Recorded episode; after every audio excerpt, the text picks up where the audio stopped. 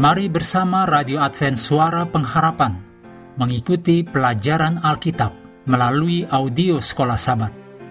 Selanjutnya kita masuk untuk pelajaran Minggu 13 November.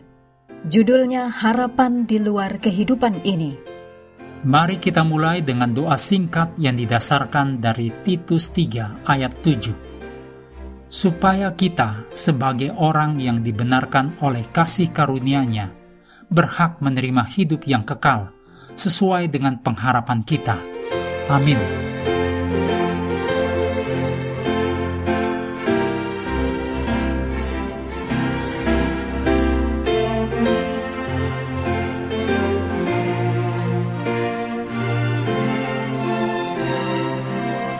Sejarawan Yunani kuno Herodotus, yaitu sekitar abad kelima sebelum Kristus, menuliskan tentang suatu suku yang untuk momen kelahiran di suku ini dimulai dengan periode berduka.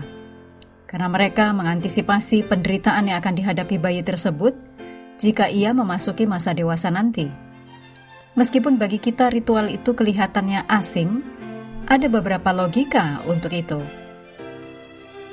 Ribuan tahun kemudian, sebuah iklan di Amerika di awal abad ke-20 menulis, Mengapa hidup jika Anda dapat dikubur hanya dengan 10 dolar.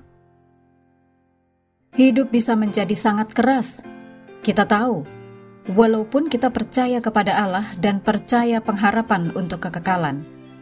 Bayangkanlah betapa sulitnya bagi mereka yang tidak memiliki pengharapan apa pun selain keberadaan yang singkat dan sering bermasalah dalam kehidupan ini. Lebih dari satu penulis sekuler telah mengomentari tentang ketidakbermaknaan kehidupan manusia.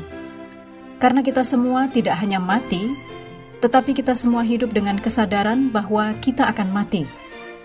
Dan kesadaran inilah yang membuat seluruh kehidupan manusia yang sering kali sulit dan menyedihkan, tampaknya hampa dan tidak berguna. Seorang pemikir merujuk, manusia bukanlah apa-apa, selain hanyalah sebagai bongkahan daging busuk pada tulang hancur.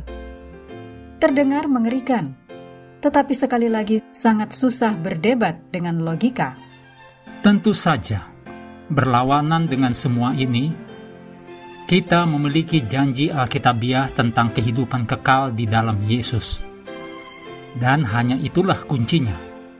Kita memiliki pengharapan ini di dalam Yesus dan apa yang diberikan oleh kematian dan kebangkitannya. Jika tidak, maka tidak ada pengharapan yang kita miliki. 1 Korintus 15 ayat 12 sampai 19 menuliskan mengenai kebangkitan orang mati, di mana Paulus mengatakan tentang dekatnya hubungan kebangkitan Kristus untuk pengharapan kebangkitan kita. Paulus sangat jelas kebangkitan kita terikat tidak terpisahkan dengan kebangkitan Kristus. Dan jika kita tidak bangkit, maka artinya Kristus tidak bangkit. Dan jika Kristus tidak bangkit, kemudian apa?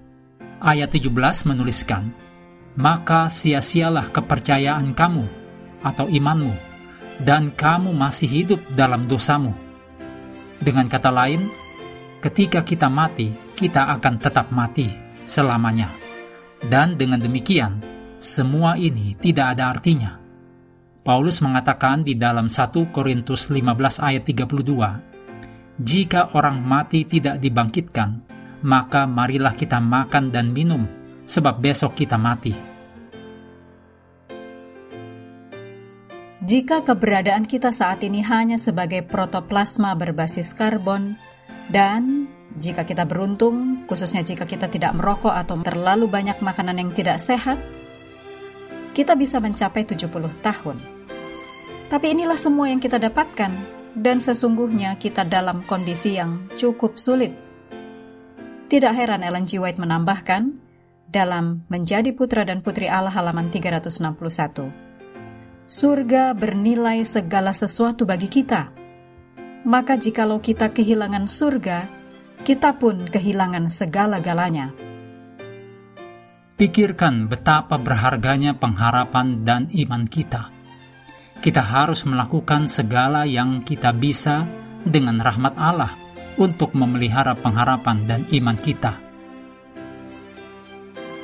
Mengakhiri pelajaran hari ini, mari kembali kepada ayat hafalan kita 1 Yohanes 5 ayat 11 sampai 12. Dan inilah kesaksian itu, Allah telah mengaruniakan hidup yang kekal kepada kita, dan hidup itu ada di dalam anaknya. Barang siapa memiliki anak, ia memiliki hidup. Barang siapa tidak memiliki anak, ia tidak memiliki hidup. Hendaklah kita terus tekun mengambil waktu bersekutu dengan Tuhan setiap hari, bersama dengan seluruh anggota keluarga, baik melalui renungan harian, pelajaran sekolah sahabat, juga bacaan Alkitab sedunia percayalah kepada nabi-nabinya, yang untuk hari ini melanjutkan dari satu Raja-Raja pasal 13.